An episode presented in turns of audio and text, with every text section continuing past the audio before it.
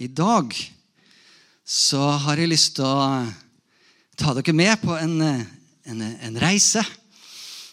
Og inn i et, tema som er mye lidenskap som ligger i dette temaet på, for min egen del. Et tema som jeg har tenkt mye på, grubla mye på, bedt over, eh, lest, søkt, studert osv. Det er jo litt sånn vi, vi alle har vel noen temaer som ligger nærmere hjertet. og som du vet at Hvis du skal bli kjent med noen bare sånn lite ekstra hint her i begynnelsen, skal du bli kjent med noen som du ikke kjenner fra før, prøv å finne noe de er lidenskapelige med. Så har du ikke problem å ha en samtale.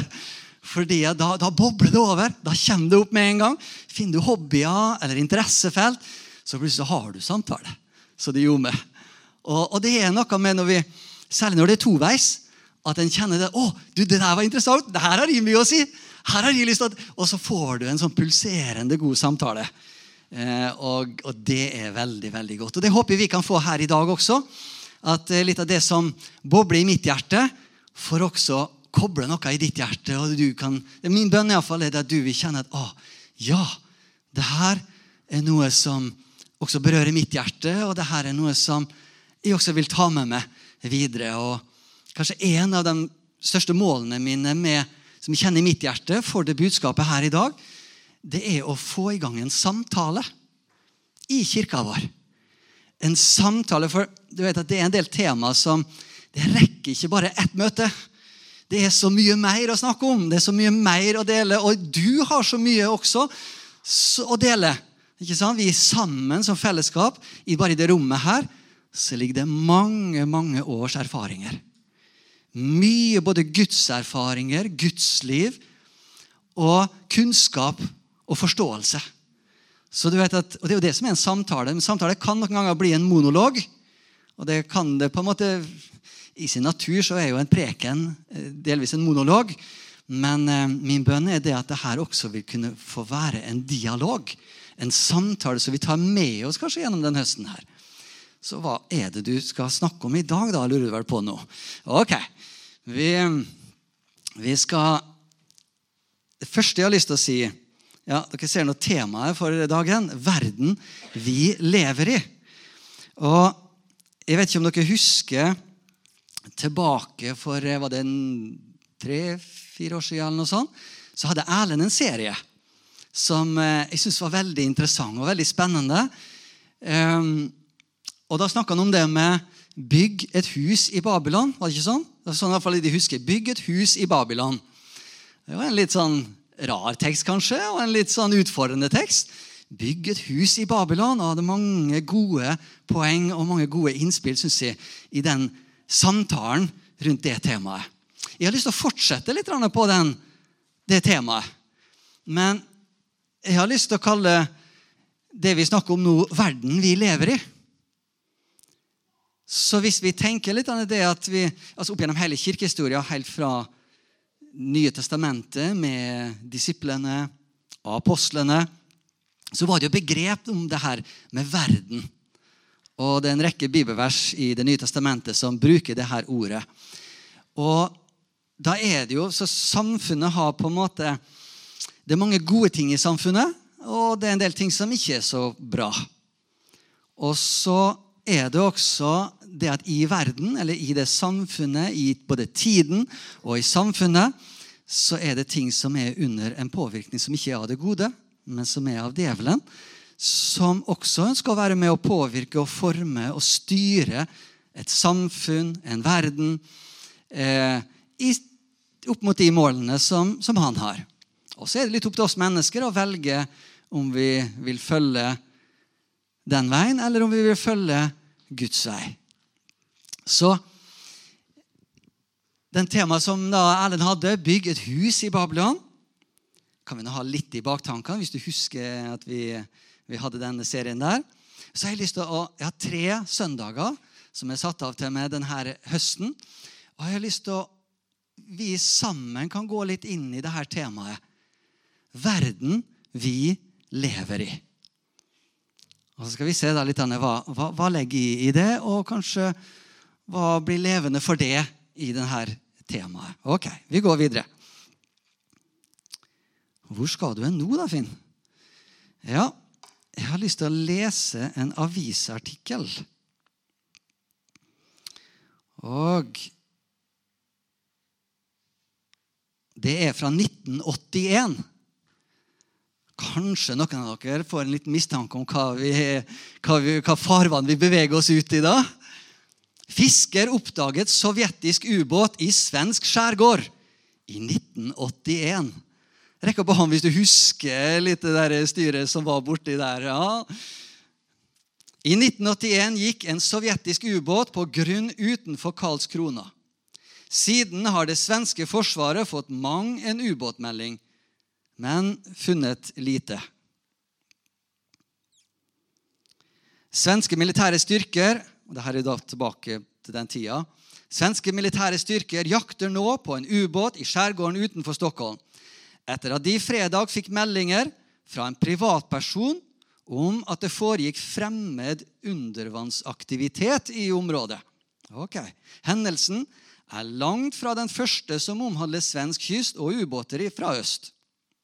På kvelden den 27. oktober 1981 grunnstøtte en sovjetisk ubåt i skjærgården utenfor Karlskrona. Om dere husker også I Norge også var det en del, eh, en del situasjoner hvor vi bombarderte litt disse fjordene våre for å se om vi klarte å treffe noe. For det var ting som var blitt sagt observert.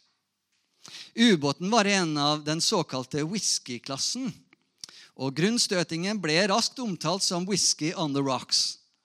Ja, ja. Mannskapet skal ha kjørt motorene på full guffe for å forsøke å komme seg løs fra skjæret men ingenting hjalp. Det måtte vært en fortvila situasjon for dem som styrte den ubåten. Det ble meldt at beboerne på øya i området hørte motorbråk, men de så ingenting fordi det var mørkt. Båten ble dermed først oppdaget den neste formiddagen av fiskeren Bertil eh, Skur, Skurkma, Skur, Sturkmann. Han så en stor, svart ubåt uten kjennemerker. I tårnet sto flere menn med kikkerter. Da han nærmet seg, siktet de på han med geværer. Etter å ha kommet seg hjem tok eh, Sturkmann kontakt med naboene som ringte militærbasen i Karlskrona. De skal ha tvilt på om historien kunne stemme, men lovet å undersøke saken. Først to timer etterpå var marinen på plass, ifølge svensk Wikipedia. Det var det her. Det viste seg at ubåten bar torpedoer med atomstridshoder. Mm, det var en alvorlig sak. Og Hendelsen skapte en svært spent situasjon mellom Sovjetunionen og Sverige. Sovjet sendte fartøyer inn i svensk farvann for å hente ubåten. Da skjønner vi jo det at ting begynner å tilspisse seg. ikke sant? Ok, hva skjer nå? Operasjonen ble stanset da svenskene rettet kystbatteriet mot de sovjetiske fartøyene for å hevde sin suverenitet. Sverige var i full kampberedskap, men situasjonen ble løst uten ytterligere konfrontasjoner. Ti dager etter grunnstøtingen ble ubåten trukket av grunn og eskortert ut til internasjonalt farvann. Oi, her har vi dramatikk på høyt nivå. Og vi vet jo det I historien så kan sånne tilspissa situasjoner lede til dramatiske hendelser. Eh, som f.eks. krig og militære sammenstøt. Heldigvis i denne situasjonen så gjorde de ikke det. Men grunnen til at de tar opp denne situasjonen, er det at for mange år siden så leste jeg et stykke fra ei bok med Kjell Sjøberg. Eh, hvor han berører noe av den situasjonen her. Og han sier noe i den boka som er veldig veldig interessant, og som leder oss litt inn i tematikken for i dag. Eh, Kjell Sjøberg han er hjemme hos Herren nå, men han skrev en bok som heter 'Åndelige vikinger'. Og I begynnelsen av den boka så skriver han noe som jeg syns er veldig interessant. Og Jeg har bare lyst til å lese det også, litt med det her som bakteppe. Stridens psykologi heter kapitlet som han skriver her. Og det her er da skrevet, Den boka ble skrevet i 1986, så det her er ganske ferskt etter denne hendelsen. Og det her, det her ligger som et bakteppe også i forhold til det som han skriver her. En gjennomsnittssvenske er altfor lite aggressiv til å være en god soldat. Begynner han å skrive. Ok, Kanskje det endra seg i dag. jeg vet ikke, men fall, det her var på 80-tallet. da. Så her skriver iallfall Kjell Sjøberg. da. Denne konklusjonen har en gruppe forskere ved FOA, altså Forsvarets for, uh, forskningsanstalt, kommet frem til etter en undersøkelse, undersøkelse, som ble foretatt i forbindelse med ubåtjakten i skjærgården i Karlskrona. Undersøkelsen ble ledet av professor Ben Shalit eh, ved FOA. Han var tidligere sjefspsykolog i den israelske hær, men ble engasjert av FOA etter å ha gått av med pensjon i Israel. Ben Shalit har utformet en metode for å undersøke om en befolkningsgruppe har den nødvendige innstilling til å vinne en krig. Metoden benytter et omfattende spørreskjema. Dette har blitt brukt internasjonalt og kunne under ubåtjakten i Karlskrona prøves i Sverige under de mest krigerske forhold som har rådet i landet på over 200 år. Altså i Sverige. Og Ifølge Shalit må tre kriterier oppfylles for at en person skal fungere godt i en krigssituasjon. Og det er tre ting som han sier da er vesentlig for at en person skal kunne fungere godt. For Vi vet at vi har tider av fred, og så har vi tider av krig. Og hvis en soldat har en mentalitet av fredstid, så vil den ikke fungere godt som soldat. Og hvis det er fredstid, og hvis alle oppfører seg som om det er krig, så er det klart at det blir også problematisk.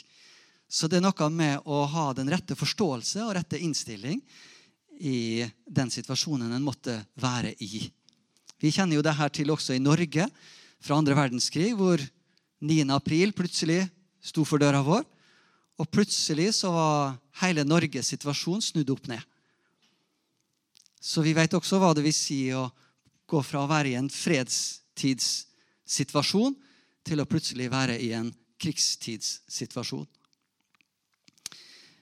Og han sier da, Ben Shalita sier det at det er tre ting som er veldig viktig for at en person skal kunne fungere godt i en krigssituasjon. Og Det første er det at vedkommende må være klar over hva som står på spill. Så Det første er at en må forstå hva, hva er det som foregår, og hva er det som står på spill i det jeg ser, og det jeg observerer. Nummer to han må kjenne seg sterkt personlig berørt. Det er det andre. Så noe må, noe må treffe litt hjem. Hvis det bare er ja, ta for noen andre ta seg av, eller det har ikke med meg å gjøre, så, så vil en ikke kunne fungere, en soldat. Eh, det tredje er at han må ha en følelse av at han kan gjøre noe med situasjonen. Så her ser vi tre grunnleggende prinsipper for å kunne fungere i Ikke bare i en krigssituasjon, tenker jeg da, men også i hvis at du ønsker å se god endring på noe i livet ditt. Så er det egentlig akkurat de samme tre prinsippene som, som er i funksjon. Og jeg vil kanskje summere det opp med tre kanskje litt forenkla begreper. Det starter med en situasjonsforståelse å forstå hva som foregår. Det fortsetter med en ansvarsfølelse. En følelse at hm, det her bør jeg gjøre noe med. Og det tredje er handlingsevne. Og bare tenk nå Jeg regner med at de fleste av dere kom med bil hit i dag. Bare for å bringe det her litt store begrepene ned på litt hverdagslig plan. Um, dere, den som, I hvert fall den som kjørte bilen, måtte bruke de her tre prinsippene uten at du tenkte over det kanskje engang. Fordi når du kom mot et kryss, så måtte du observere og tolke og forstå. Hva andre biler er det som beveger seg her? Kommer de til å krysse min vei, eller gjør de ikke det? Så du må forstå trafikken, du må forstå hva som foregår, for å kunne da vite hva som står på spill. For Hvis du bare durer rett gjennom krysset og bare sier nei, her er de som er først, og her er de som bestemmer, ja, det er ikke sikkert det går så bra. Så situasjonsforståelse er viktig og grunnleggende. Og så må du også, ser du det at det er noen som går langs veien, og så er det et fotovergang, felt, litt bortafor. ikke sant? Dere har vært der sikkert mange ganger. Går han over, går han forbi. Går han over, går han forbi. Ikke sant? Der kommer ansvarsfølelsen din. Følelsen av at mm, det der kanskje vil relatere til meg. Det der kanskje har noe med meg å gjøre. Jeg kan ikke bare late Nei, jeg bryr meg ikke om, om hvem som går langs veien, eller en syklisten som kommer av gårde nedover den veien, sideveien her nå. Det har ikke med meg å gjøre. Jeg bryr meg ikke. Det kan hende at du bryr deg ganske fort, iallfall etterpå, hvis noe skjer. Så det med ansvarsfølelse også trigger inn. Ok, Hvordan skal jeg forholde meg til det her? Det her må jeg eh, observere og forholde meg til og vurdere hva jeg skal gjøre med det. Og eventuelt, når du da ser det at den eh, som går, tar en sving ikke sant? Jeg vet jo du har vært borti det at noen tar en sving litt fort. Det så ut som de var på vei rett frem, men så tjum, og så er de rett over veien. Og kanskje det mest krevende i trafikken er disse her syklistene. Det er jo, I utgangspunktet er det jo lov at du skal gå av sykkelen. Så skal du trille sykkelen over. Og det er en del syklister som ikke helt tror jeg har forstått hvorfor det er faktisk er litt praktisk. Fordi at det er ikke, Når du kommer med sykkel, så går det ganske fort. Og hvis du bare sykler og rett over veien, så er det ikke sikkert det er så lett alltid for bilister å klare å få med seg det. Så det å stoppe opp og trille sykkelen over for de kan komme, svinge veldig kjapt, og det går så fort. Så da er det jo på en måte litt det med handlingsevne. da. Du ser det. Oi, nå skal han gå over. Da kommer handlinga inn. Du trykker på bremsene. Sakker ned, slipper den forbi, og så kjører du videre. Så her ser du at de her prinsippene de kan brukes på store plan. Men det er også egentlig ganske hverdagslig, og faktisk så bruker vi det her ganske intuitivt uten kanskje å tenke over det. Og Det synes jeg også er litt viktig, at de her store begrepene også faktisk for et prinsipp er noe som ikke bare anvendes i ett område, men det kan anvendes i mange eller alle områder. Eh, det er litt av naturen av et prinsipp. En ting til når det gjelder akkurat denne, det her begrepet og denne prinsippet unnskyld, som vi snakker om her. Det er det at vi har også tre hindringer vi kan se i det her. Fordi det vi, det vi ønsker å sikte mot nå, er en endring. Eller en, en eller annen form for handling som enten er nødvendig eller fordelaktig, eller eh, som behøves. Ikke sant? Sånn som i Karlskrona. Når ubåten var der, nå, så måtte det svenske forsvaret da forholde seg til den situasjonen. Og når at da russiske båter, stridsfartøy, kom inn i svensk fartøy, farvann, så måtte de bestemme seg. Ok, De observerte situasjonen. Ok, nå beveger dere dere over ei grense her. Dette er vårt område. Det er ansvarsfølelse. Og så har du handling. De snudde kanonene og sikta inn og sa det at ok, nå beveger dere dere farlige her.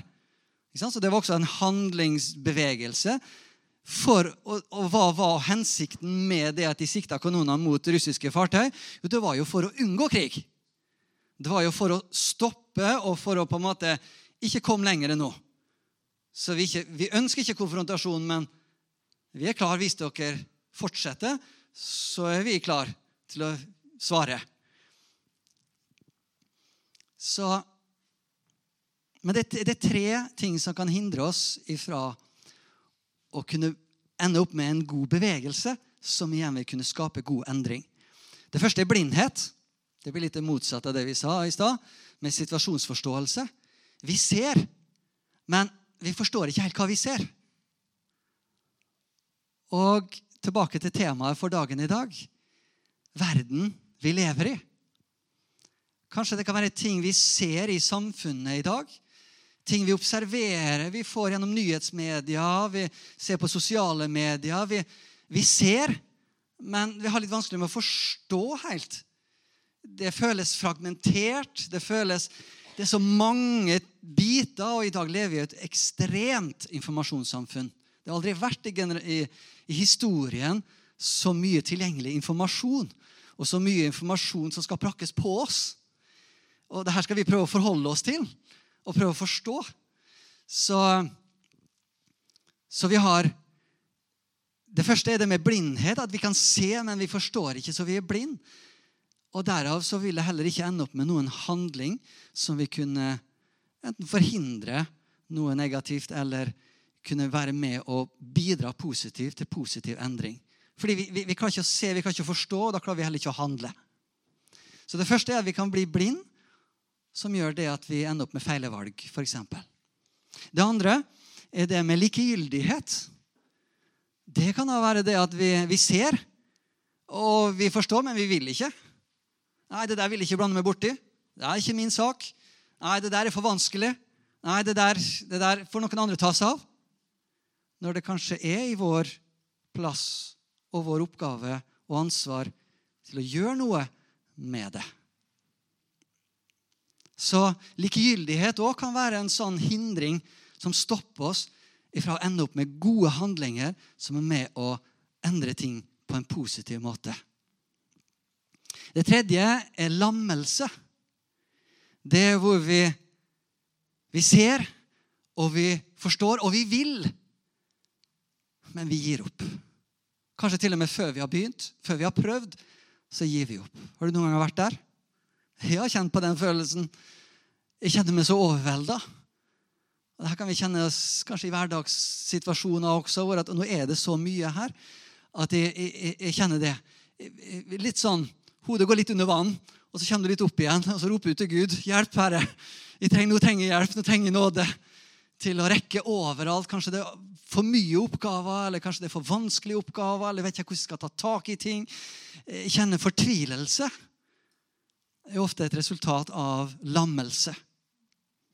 Så når vi kjenner det at ja, men jeg vil og jeg ser behov for å gjøre noe og På en måte så ser jeg at jeg, jeg har lyst til å gjøre noe. Jeg har lyst til å være en positiv kraft til endring. Jeg har lyst til å være sammen med andre, være med og bidra til et bra samfunn, til en god familie, til en god menighet, til et godt samfunn som for alle mennesker. Men jeg kjenner meg så overvelda at jeg jeg vet ikke hva jeg skal gjøre. Og så resignerer vi, og så gir vi opp, og så ender vi liksom opp i en sånn Ja, noen andre kanskje får gjøre det, men, men jeg, jeg, Eller vi kan bare si til oss sjøl at jeg, jeg, kan ikke gjøre noe. Vi blir altfor små. Og vi bare kjenner på det at eh, Hva kan jeg gjøre? Jeg er bare en enkel person. Jeg er, bare, jeg er ikke noen stor, jeg er ikke noen kjent, jeg har ikke noen innflytelse, jeg har ikke noen plattform.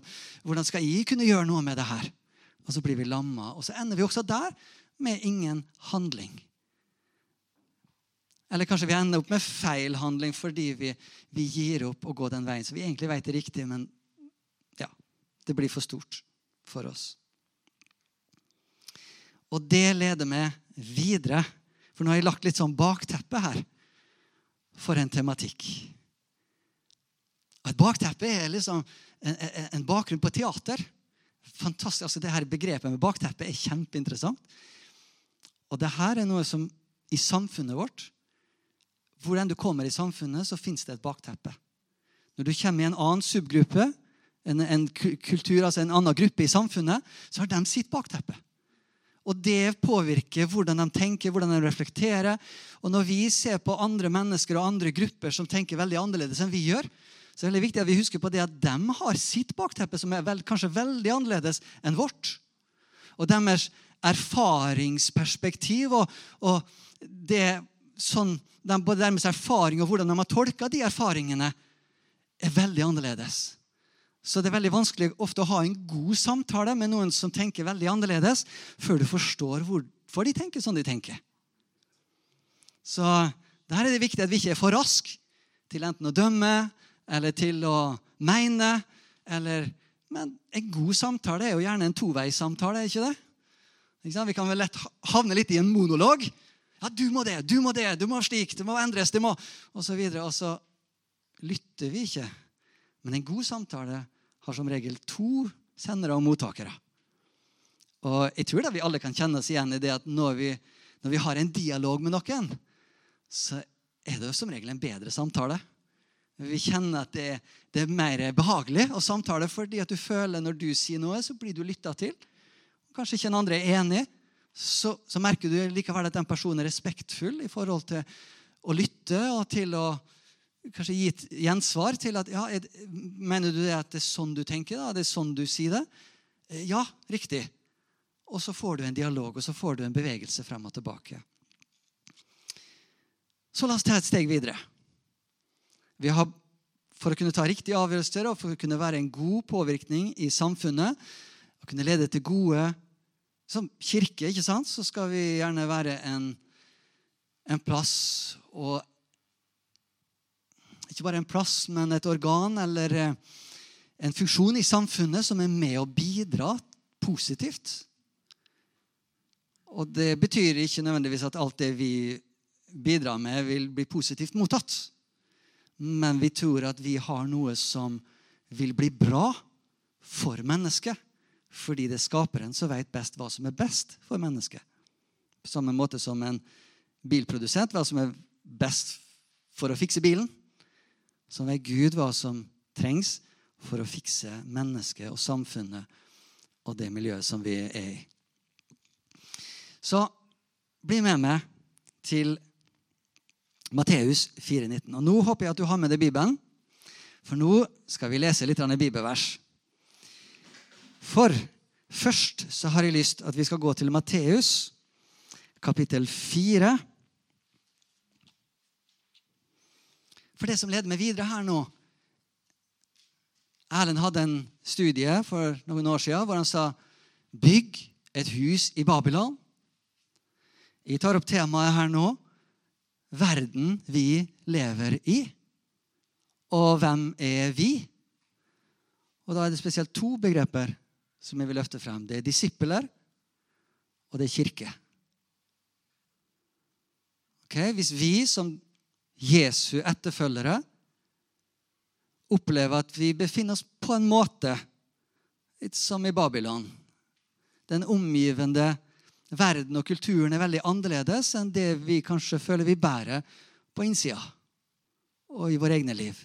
Som en Jesu disippel, hva vil det si? Å leve i de omgivelsene. Og som kirke, hva betyr det? Hva vil det si å leve i den situasjonen? Ok, Matteus 4, 19. Det starter her. Her er det altså Jesus som går langs eh, sjøen. Og så sier han da til to disipler der Han sa til dem, 'Kom og følg meg, så vil jeg gjøre dere til menneskefiskere.' Og Så kan du gå videre med til kapittel 5 eh, og vers 13. 5 og vers 13, der står det 'Dere er jordens salt'. Men hvis saltet mister sin kraft, hvordan skal det da bli gjort til salt igjen? Det duger ikke lenger til noe, men kastes ut og tråkkes ned av menneskene. Dere er verdens lys. En by som ligger på et fjell, kan ikke skjules.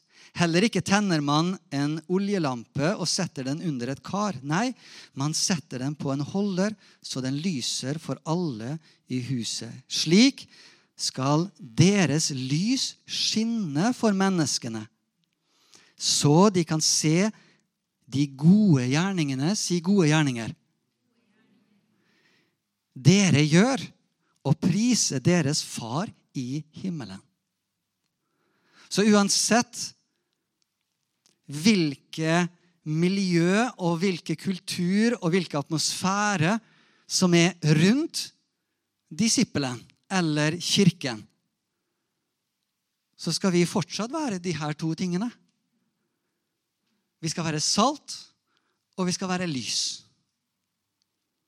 Og litt av det som vi håper litt den høsten her vi kan ha en samtale i sammen om, er hva vil det si? Hva betyr det at jeg som en Jesu disippel skal være salt og lys i min verden? I min nærhet?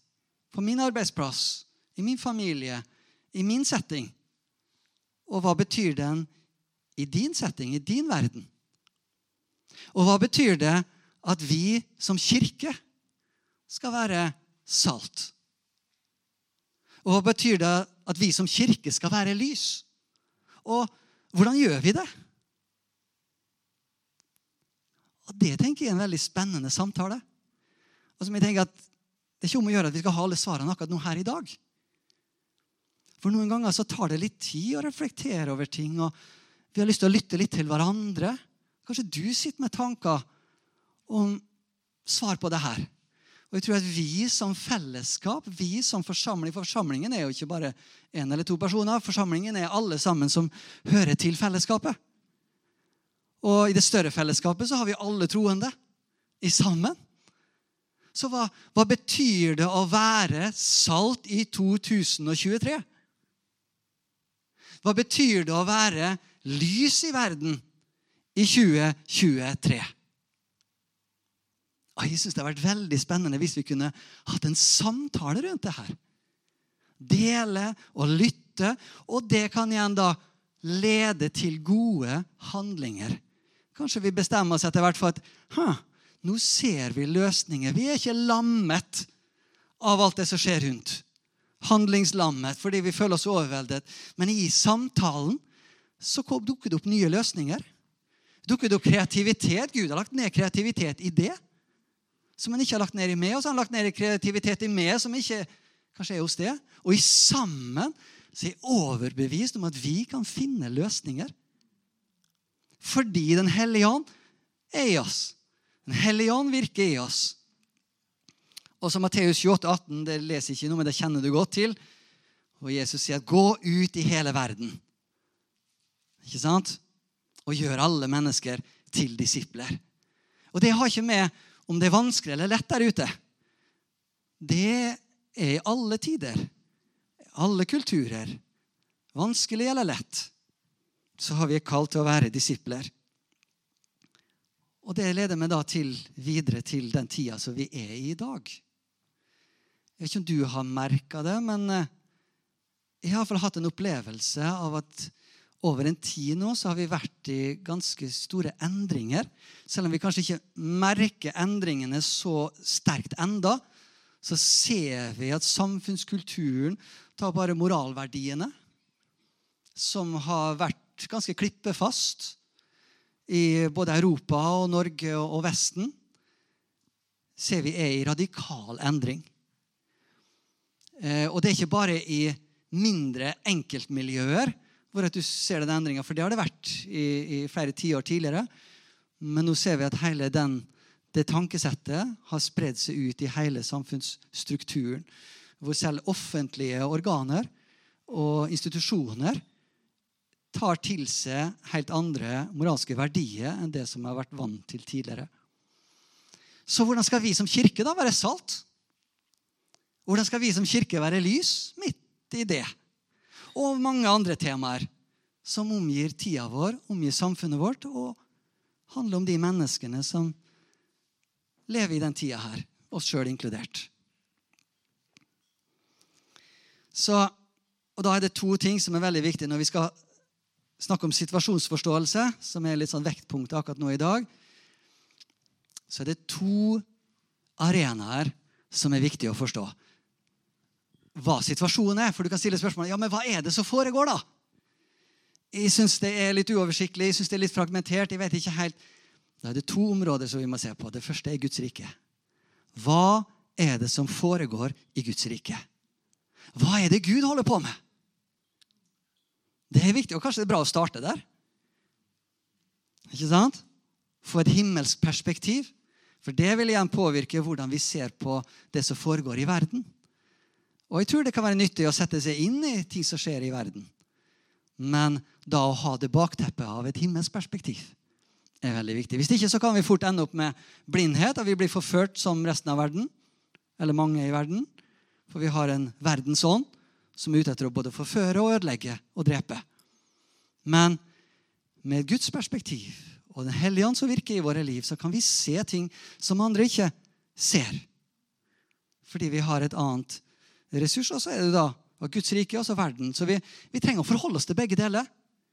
vi, Bibelen snakker om det at vi er ikke av denne verden, men vi er fortsatt i denne verden. Så det, det er en todelthet. Så vi må forholde oss til begge deler. Men det er jo fra Guds rikes verden at vi får ressursene våre. Og det er der vi finner ny styrke og finner hjelp for det vi trenger. Jeg får ikke tid nå til å lese det her, men dere kan notere dere hvis dere vil. Det første eksempelet der på det med en positiv situasjonsforståelse har med Josef å gjøre. Josef Husk at farao Og i denne situasjonen på den tid så kan du si at det egyptiske imperiet var på en måte verden. Og så hadde du jødene, som var på en måte Guds folk. Og så ser du da hvor Josef han blir gjennom en litt trasig situasjon ført til Egypten. Og så får da lederen skal si presidenten eller statsministeren eller den øverste lederen for det imperiet, for det rike, for, den, for verden, på en måte en av de store, kjente lederne, får en drøm. Men han forstår ikke drømmen. Situasjonsforståelse. Han ser, men han forstår ikke. Han hører, men han klarer ikke å koble seg. Hva er det? Hva betyr det her? Men han forstår at det er viktig. Men han forstår det ikke. Og så tar Gud og løfter frem Josef. Og han får se på og lytte til denne visjonen. Og så får han nåde fra Gud til å forstå hva det her er. Og da er det et budskap som Gud ønsker å bringe til lederne og til folket og til landet og til verden. Om at det kommer en tid som blir vanskelig. Men det fins en mulighet til å forberede seg på den, slik at vi kan gå gjennom det her på en god måte salt og lys i verden. Kan vi være blant dem som bringer klarhet og visdom og skarphet i forhold til ledere og personer med innflytelse både lokalt og nasjonalt, og hva en Gud måtte velge? Gud kan bruke hvem som helst av oss til å få klarsyn og til å tale og til å bringe visdom fra Guds rike inn i denne verden. Uansett hvor mørk eller lys den enn måtte være. Det var en ganske fortvila situasjon. Det var ganske mørkt rundt eh, Josef når han satt der i fengselet. Flere ganger hadde det mislyktes å komme fri derfra. Det andre eksempelet her ser vi i Matteus 13, 10 der nå, hvor det står om nei, såmannen sår ordet. Og så spør disiplene Jesus Hvorfor taler du i lignelser? Og så sier Jesus det at det er ikke gitt dem å forstå de her tingene, men dere er gitt. Og så er det en kontekst der. Men det som er interessant, for det, akkurat i den versjonen der så kommer det frem at fordi at de har blitt lunkne i sin gudsrelasjon, så ble ting stengt for dem. Og det er noe med, Hvis vi skal ha frisk åpenbaring, fra Gud skal vi lytte og forstå både hva som skjer i Guds rike, og hva som skjer i verden rundt oss, så må vi ha et friskt åndelig liv. Derfor trenger vi å komme sammen i Guds menighet. Vi trenger å lytte til hverandre, be for hverandre, støtte hverandre. Og bringe nåde og styrke og kraft til hverandre. Jeg har også en andre bibelvers som ikke får tida til å gå gjennom her nå. Men eh, jeg vil benevne det med andre kongebok 6.17. Hvis noen klarer å huske hva som står der. Kanskje ikke på direkten. Men da var det en profet. Og de var omringa. Og kan det være det at vi kan oppleve det litt sånn? Livets situasjoner. Kanskje noen ganger så er det personer som er ute etter å ta oss og gjør det vanskelig for oss. Jeg vet ikke, Det kan være alt på situasjonen. Men på en eller annen måte så er ting vanskelig. I profetens tilfelle så var det en stor hær som hadde omgitt dem. Og mange kunne kanskje tenke det verste av hva som da kom til å skje. Hvis de kom seg inn og fikk, fikk bryte igjennom. Men, og Tjeneren han ble jo desperat og fortvila. Kanskje litt handlingslamma, som vi snakka om her. Hva kan vi gjøre? Dette er altfor stort. Vi har ikke mange soldater. Dette er umulig. Litt som den sangen som vi sang litt tidligere her. Det er umulig. Men så sier profeten, ber han en bønn til Gud åpne min tjeners øyne. Og så får han plutselig se noe i tillegg til Det, det var ikke det at de omstendighetene bare forsvant. De var der fortsatt, og de måtte fortsatt forholde seg til det som var virkelig i det menneskelige. Men i tillegg så begynte han å se at oi, men det er jo en åndelig dimensjon her òg. Det er en gudsdimensjon i bildet her. Og Det tror jeg, tror jeg, er viktig å sette oss inn i hva som foregår i samfunnet. Samtidig som at vi har et Guds rike perspektiv. Samtidig når vi ser på det i samfunnet. For Gud også virker langt mye mer enn det vi er klar over. Og må Gud hjelpe oss, så vi kan få se og kan forstå hva Gud gjør. Så salt og lys i verden.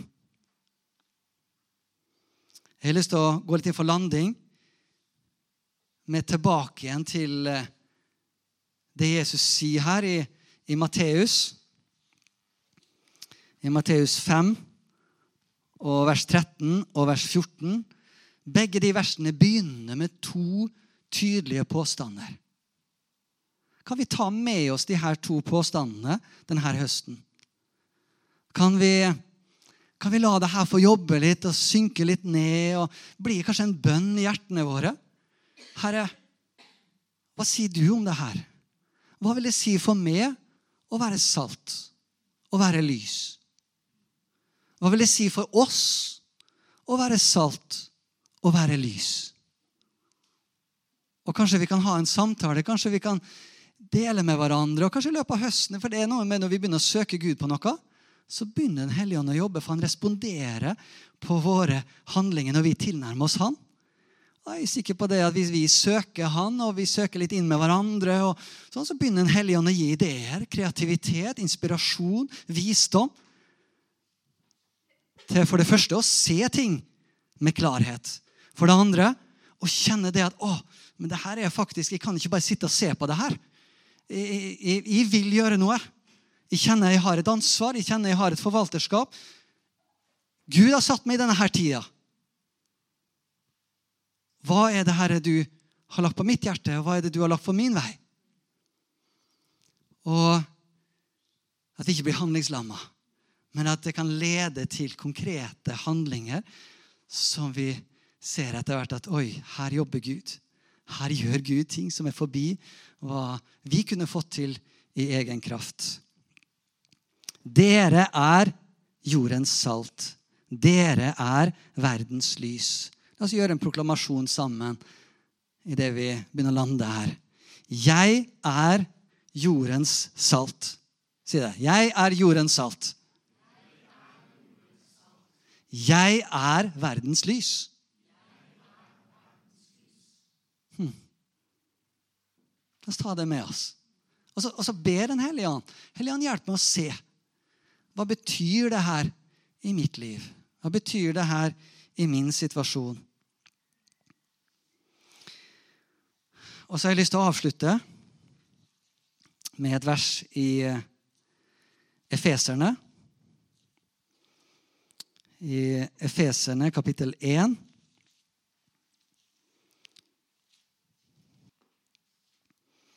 Og kan lese derifra vers 17. Jeg ber om at vår Herre Jesu Kristi Gud, herlighetens Far, må la dere få en ånd som gir visdom og åpenbaring. Temaet som vi vektlegger her nå i dag, er det første punktet av disse her tre. Situasjonsforståelse. Og Her ber Paulus menigheten i Efesos og de som hørte til menigheten der, om at de skulle få en spesiell nåde til å se og til å forstå. Må Herlighetens Far må la dere få en ånd som gir visdom og åpenbaring, så dere lærer Gud å kjenne. Må Han gi dere lys til hjertets øyne, så dere får innsikt, si innsikt, i det håp han har kalt dere til, hvor rik på herlig hans arv er for de hellige, og hvor overveldende Et lite hint til det tredje punktet. Noen ganger føler vi oss kanskje lammet. Men hva er det Paulus ber her? Hvor overveldende hans kraft er hos oss som tror.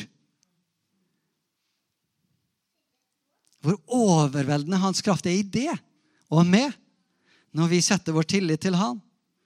Og Med denne veldige kraft og styrke reiste han Kristus opp fra de døde og satte han ved sin høyre hånd i himmelen. Amen. Så situasjonsforståelse, ansvarsfølelse og handlingsevne til å være salt og til å være lys.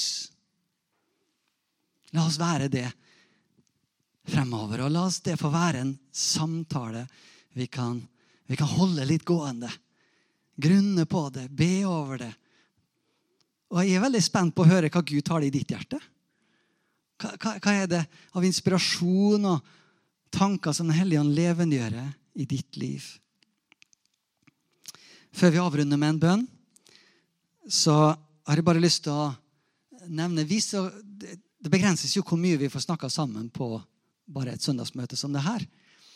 Men eh, jeg har en, en, eh, en, eh, en nettbibelskole som jeg har satt opp, og som jeg har litt lyst til å eh, kunne brukt hvis at du har lyst til å være med og, og fortsette samtalen. Litt sånn på og av i den grad du har mulighet og du har lyst osv. Det er for dem som har lyst. Men jeg tenker på I Apostels gjerninger 1711 så står det det Paulus han sa folket der altså han, For han har vært i da, et område som ikke var så vennligsinna. Da var det forfølgelse. Det var i Tessalonika. De tok imot ordet, men der han var kommet nå, da tok de imot ordet med god, uh, god vilje og gransket Skriftene hver dag for å finne ut om det var slik. Så jeg oppretta en plass som er litt som en sånn samtaleplass. Et sånt samtalemiljø. Hvis at du kjenner at å, jeg har ikke lyst til å vente til neste søndag hvor vi tar opp temaet igjen, eller er iallfall en mulighet til å kunne fortsette samtalen. Prate litt, dele ressurser, dele ideer, stille spørsmål. Ja, men Hva med det her? Hvordan skal vi forstå det her? Hva kan vi gjøre her? Slik at hele den høsten her kan det pulsere litt en samtale. Eller så kan det også være samtaler i gruppene deres som du er med i. Det kan være på bønnemøte, kan være ellers når dere treffes. Og at vi tar med det her også innenfor Gud. Så hvis du ønsker å være med på det her eh, og holde samtalen litt fortsatt varm der, så er det bare å gå til nettbibelskole.no og så lage en bruker, og så er du inne. Takk og lov.